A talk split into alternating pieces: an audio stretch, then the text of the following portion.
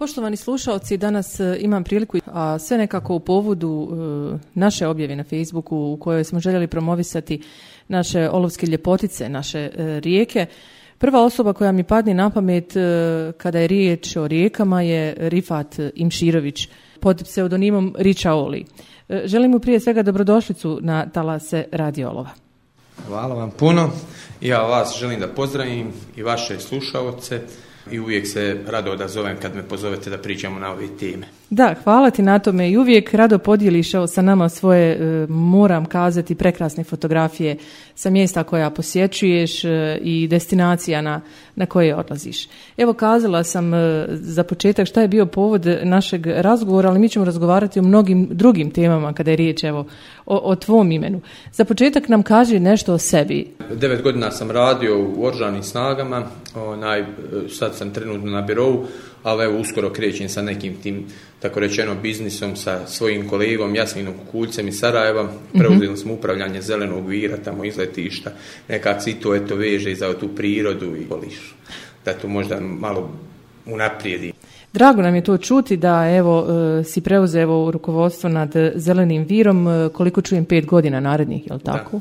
a ono o čemu ćemo razgovarati, što je u stvari bio povod ovog razgovora, je čist okoliš e, naše rijeke, ljepotice, a ti si osoba koja je itekako aktivna kada je riječ o prirodi e, i boravku u prirodi. Godina pandemije je iza nas. E, nekako svi smo se okrenuli sad prirodi, ono ti si uvijek nekako bio usmjeren koliko možemo vidjeti po tvojim objavama i tvoj način života koji ti vodiš se obično odvija u prirodi. Možeš li nam reći evo ti nešto više o svojim aktivnostima?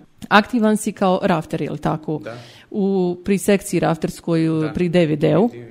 Također si i aktivan biciklista, koliko znamo, Olovo, Bihać, Srebrenica i nazad. Obilazim sve planine što se tiče bicikla.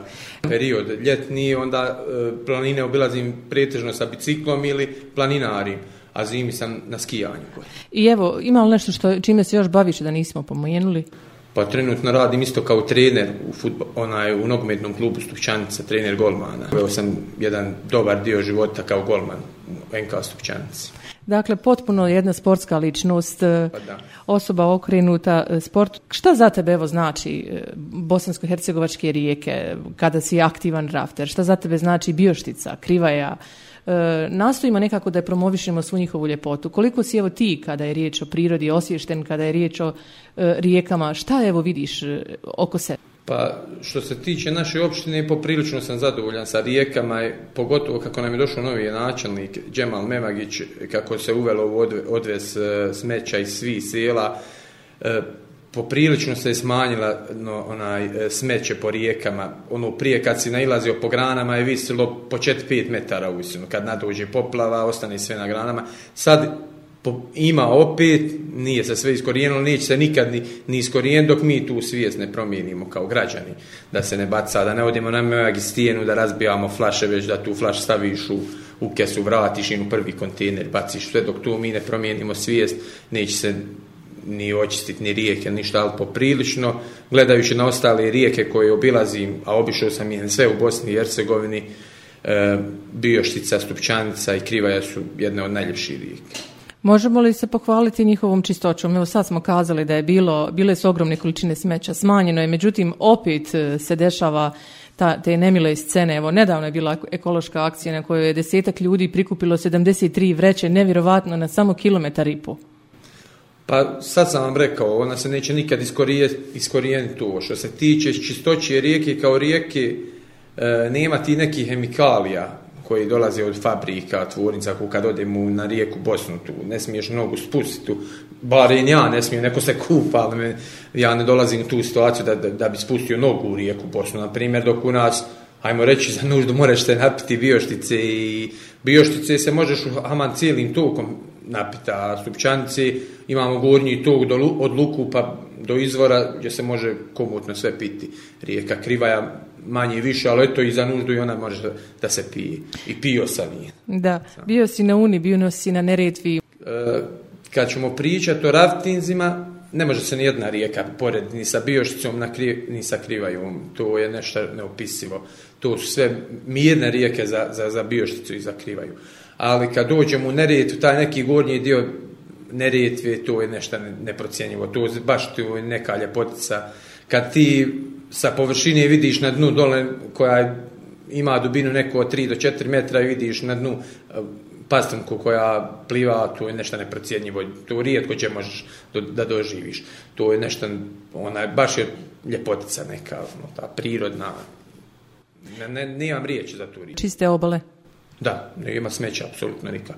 U ovome dijelu od konjica pa gore prema njenom izvoru. Znači, nema smeća, nema ništa. Nadam se da ćemo se i mi moći jednom pohvaliti da, da imamo čiste, čiste rijeke, Bioštica, Stupčanica, kako si kazao, u svojim tokovima gdje nema ljudi, ljudske ruke su apsolutno čiste, e, netaknute. Evo, možeš li nam opisati e, da se vratimo na onu fotografiju od jutros za koju su se ljudi raspitivali e, u toku Bioštice? To je bilo prilikom, čini mi se, raftinga jednom prilikom kad ste vi kretali od Osku. Pa mislim da je to bila zabilježena slika e, kada me pozvao tam bivši vlasnik zelenog vira Muamer Muftiš da ne, e, njegove neke kolege mhm. i prijatelja spustim, pa to je gore jedno selo Medović blizu Banja Lučice i e, imamo gore ljude koji su napravili neku sportski poligon, tako rečeno ribolovni sportski poligon e, i tu se odvija evropsko i svjetsko prvenstvo u ribolovu. Tako da je to nešto gore prekrasno urađeno, gore ne možeš vidjeti nigdje kese, ne možeš ništa. Čak mislim da imaju i kamere postavljene koje prate ko lovi ribu, ne lovi i baca smeće oko rijeke. To je nešto gore baš tako rečeno na europskom nivou. Ideš li gore često, možeš li odvesti, evo sada, evo kada bi se jedna grupa prijavila da, da, da ode i da ih odvedeš gore? Da, uvijek može.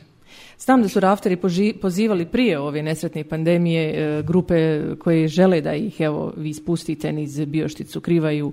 E, I Bioštica što se tiče Bioštice i Krivaju i oni su otprilike do početka ljeta u opticaju da se može i tamo nekad u jesen kad ponovo se pojave padavine jer opadni vodostaj rijeke onda nema uslova za spuštanje. Dakle, tokom ove godine nije bilo spuštanje, ali tako? Jeste li imali priliku? Ove godine nismo još nijednom išli. Šta mislite, kada će se sve ovo uh, početi odvijati nekim normalnim tokovima? Pa ja se nadam ubrzo, da bi trebalo da malo prodišim. Koliko tebi nedostaje to sve? Pa šta ja znam, ja kao neko ko obožava prirodu, voli tu prirodu, uvijek nađe u sebi, iskoristim da odem, ali ima naroda kojem to nedostaje mislim da će doći vrijeme da, tu, da će popustiti ubrzo te mjere.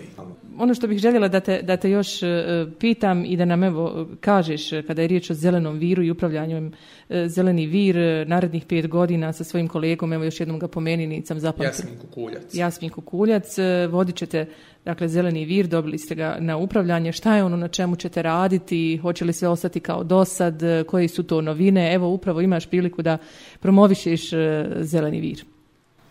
Pa e, mislim da ćemo ići onaj, prvo na infrastrukturu, da uradimo, da tu malo približimo građanima, opštine Olovo prije svega, ovaj, zeleni vir, da vratimo zeleni vir građanima opštine Olovo, pa onda da razmišljamo kako privući ostale turiste, e, razvijat ćemo malo turizam e, van naših granica, da tu privućemo ljude iz e, zemalja okruženja, pa dole Um, arapski. Pa tako da ćemo gledati da idemo u tom pravcu, da to razvijemo, da imamo koristi mi i opština i građani opštine Olovo, da imaju sela sa svojim proizvodima, znači da, mhm.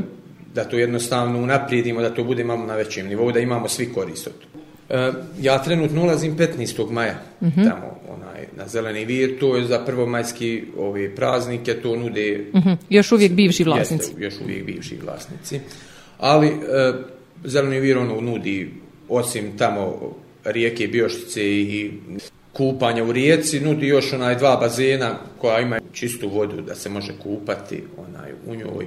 Imamo restoran i unapređivat ćemo, pravit ćemo neke barove i i kutke za djecu, za omladinu, za odrasle i za stare. Ja mislim da će biti ono za sve, za sve uzraste da će biti prilagođeno. Kad si rekao da bude pristupačniji građanima e, olova, e, šta si mislio pod tim?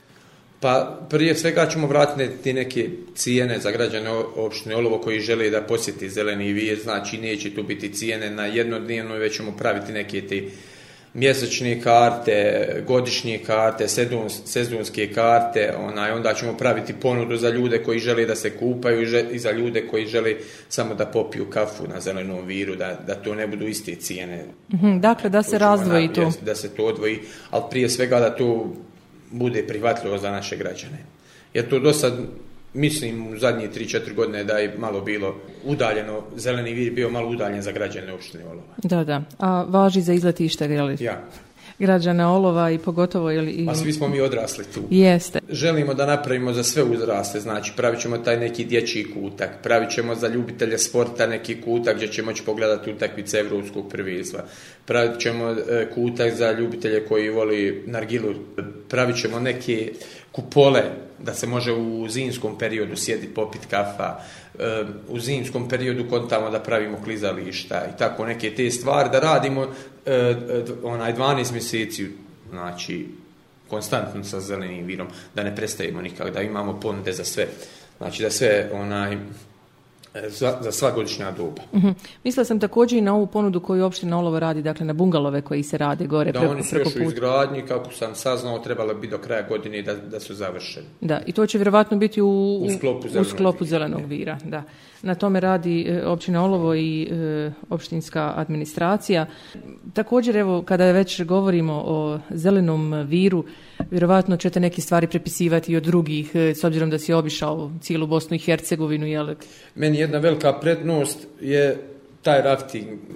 Kroz rafting sam upoznao razne ljude, e, znači od Srbije, Hrvatske, mhm. šta ja znam, Crne Gori, tako da, da će to ići, mislim, u tom pravcu da malo razmjenjujemo mišljenja, dovodimo te ljude ovdje u posjetu, da pravimo te raftinge, da pravimo ta neka druženja, druženja gdje će se glas o zelenom viru čuti malo dalje. a naravno želimo putem ovi društvenih mreža da to promovišemo, jer danas je tu možda i najbolja reklama. Pred nama su prvomajski praznici. E, znamo da većina nas e, do sada je bar bila tradicija tako, pored rijeke i proslovi, E, prvi maj, no često sam i sama imala priliku vidjeti ljude da skupe to smeće i baci u rijeku ili jednostavno naiđu sa automobilom i zatrpaju te negdje pored, pored vode sa tim e, smećem. Kakva je evo tvoja poruka svima koji će provesti prvomajskim praznike pored rijeke? Pa znaš, većina ono, kaže dođe, sjeti tu, pije, ustane i odi. Kad ga upitaš, ono, zašto nije pokupio smeće, kaže nije mi obezbijeđeno tipa, trebaju tu na izletištu biti neke kante, treba ovo nešta, pa nama ništa ne treba ako mi imamo savjest. Uđeš u market, kupiš kestice koje su 3-4 marke, 100 komada, otvoriš tu jednu kesticu, dvije, tri, pokupiš to smeće, staviš u auto, dovučiš na gradinu, niko neće da branda baciš. Ali to je problem u našoj savjesti, znači nismo mi spremni da to odradimo. Ko, ko je spreman da odradi, on će to i raditi tako. Njemu ne treba ni kontejner, njemu ne treba ni, ni korpa, ništa. Znači, on ima tu svoju savjest, ima u glavi to da treba počistiti, da oni otkući to jednostavno. Znači, i onda to ide lako. Znači, ja možda poručim da ne trebamo tražiti neke izgovore, da nam nije ovo napravljeno, da nije, mi sami sebi pravimo neki ugođaj. A ga mi sami sebi ne napravimo, neće nam niko napraviti. Kako je jednom kazao predsjednik planinarskog društva Smolin Zaki Riječo, e, puno veći, kaže, teret donesemo u prirodu nego što bi ga trebali odnijeti. Dakle, sve je to puna ambalaža, međutim, nama je to teško da, da, vratimo. Pa ja ću evo namest primjer u starom On Kaže, koliko postiješ, toliko nabedeš ti u, prirodu koliko god siješ, ona toliko vrati. Ja ću uzeti, vozim biciklo, sve sam naše ove obišao ovdje, e, planine okolo, e, brda, sve znači, sve sam obišao šume. Najveći problem za mene pravi o izvlačenju, ovi ljudi sa izlačenjem balovana. To se za, začepe propusti, to nema nikakvog znači karte, šeme za izlačenje što nam stupčanca naraste za 45 minuta po 3 metra, zato što pravi jezera divlja, voda prima, znači ja ne mogu da shvatim da nemaju te šeme, da nema nešto. Znači, bio sam u Bihaću, pričao sam s ljudima, eto, nikad u životu nismo čuli ni, ni, ni na televiziji, ni na radiju da je, da, da je Una napravila negdje problemi. Ali samo je e, spriječen ti problem sa poplavama na Uni, upravo ona je ta nelegalna sjeća šumi, Zato što je gore to napravljeno, šematski, zna se kako se izvlači, zna se sve i koliko god da e, pada kiša, ne more narast vodostaj rijeke 3-4 metra ko što u nas naraste, evo možda ćemo prošle godine kad je vaša kuća bila u opasnosti da je za 45 minuta stupčanica nadašla 3 metra i 45 cent. Jeste, imali smo šišarike ispred kuće upravo zbog e, tih e, šumskih slivova, dakle tih površinskih voda koje su nam došle upravo zbog jel, puteva šumskih neregulisanih koji su išli preko ceste je dakle voda voda išla. Jedne Načelnik... prilike sam upravo sam e, razmijenio par komentara sa načelnikom opštini. Čak sam se javno ponudio da ću biti ekopolicajac koji će volontira da radi kao ekopolicajac da se spriječite neke stvari sa smećem, sa, sa šumama i tim stvarima. Dakle, prava osoba na pravom mjestu svaka čast. Evo, želimo da tvoj primjer slijede i tvoji prijatelji, kolege i brojni drugi, pogotovo jer, se radi o osobi koja iza sebe ima puno toga, dakle, aktivizma u, svojim nogama, pogotovo humanitarnog karaktera. Kada je riječ, evo, da se dotaknemo malo Srebrenice i Bihaća. Prošle godine, ne znam, jesi li učestvovao? Jesam. Dakle, i lani, s obzirom da su bile, bio je smanjen broj učesnika zbog epidemioloških mjera. Bilo nas je ukupno oko 50, ali smo dobili koji stalno budu, otprilike dobili smo poziv pa onaj, učestvovali smo o tom nekom manjem broju, ali, bio sam prisutan. Opet ruta, jel tako, biciklom do Bihaća, a ove godine imate li e, već planove? Pa za ovu godinu imam koji za svaku plan, sad će biti organizatora, da li će organizovat, neće, ako budemo pozvani, naravno i ovih godini idemo. Mhm. E, želim ti puno sreće u tome i svakako evo nadamo se prestanku ove teške epidemiološke situacije i ove pandemije i da nam evo dođeš sa lijepim vijestima kada je riječ o raftingu, o zelenom viru, da to krene sve konačno nekim, nekim svojim e, normalnim jel, tokom. Pa ja se nadam da, da uskoro će to proći, da će to krenuti, jer mora, tako rečeno, život je stao s ovim. Nema nikakve aktivnosti, ti dođeš na utakmicu futbalsku, ko da, si u pozorištu, znači, ne znam čemu vodi ovo, ali mislim da će to doći na, na, na svoje uskoro. Kad si već kod, kod utakmice, da ne zaboravimo, evo da kažemo i da čestitamo na uspjehu, evo, jučerašnja pobjeda u, kada je riječ o kupu utakmici, još jednom sve čestitke, evo i tebi, tvojim kolegama. Hvala vam puno. Ne znam, Sušćanca zadnjih par godina ide tu nekom uzladnjom putanju i nadam, nadam se da će nastaviti. I vidim po navijačima, po svemu da je to svakom puno srce kad vidi gore rezultate, kad vidi tu infrastrukturu, sve. Ali to je sve zahvaljujući našem predsjedniku Semiru, da njega nema, sve bi to stalo davnih dana, ali to ide to sva svojim tokom i ono, mislim da ćemo iz godine u godinu napredovati. Kada je riječ o tvom golmanskom angažmanu u nogometnom klubu Stupčanica, koliko imaš mladih eh, sa kojima radiš? Ja trenutno radim eh, u prvom timu sa golmanima, a trener sam e, juniora, mm imam 17 juniora. Jesi zadovoljan njihovim talentom, radom? Pa tabela pokazuje, trenutno smo prvi na tabeli u svom uzrastu. Odlično. Imaš li nekog posebnog koga bi istakao da je poseban talent, ali da se od duše od drugi ne ljute?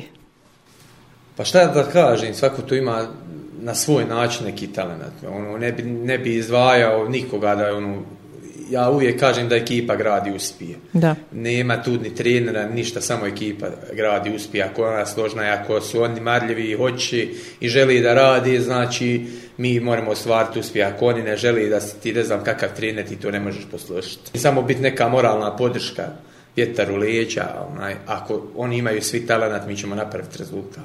I ako e, želi da to napravi, to tako budi. Tako da, da ne bi izdvajao nikoga. Bolje je tako. Bolje je tako. Svi su dobri i ukoliko jeli rade i redovni su na, na, na trenicima i, i žele. to je nekakva čarobna formula za sve. Jel? Ma normalno. Rifate, hvala ti puno evo za ovo gostovanje. E, skrenuli smo pažnju malo na ljepotice rijeke, ali evo i na tvoj angažman e, od 15. maja, dakle Zeleni vir je u, tvojim rukama i tvog e, kolege. Želimo vam puno uspjeha, dakle narednih pet godina. Želimo vam mnogo gostiju da prestane ova epidemiološka situacija i da evo Zeleni vir zasija onako kako i, kao i do sada. Hvala vam puno na pozivu. Ja sam uvijek imao dobro saradnju s vama i nadam se da će nastaviti preko zelenog vira i raftinga i biciklizma koji sad i rado će se uvijek odazvati vašem pozivu. Hvala puno i puno sreće. Hvala i vama i vašim slušalcima.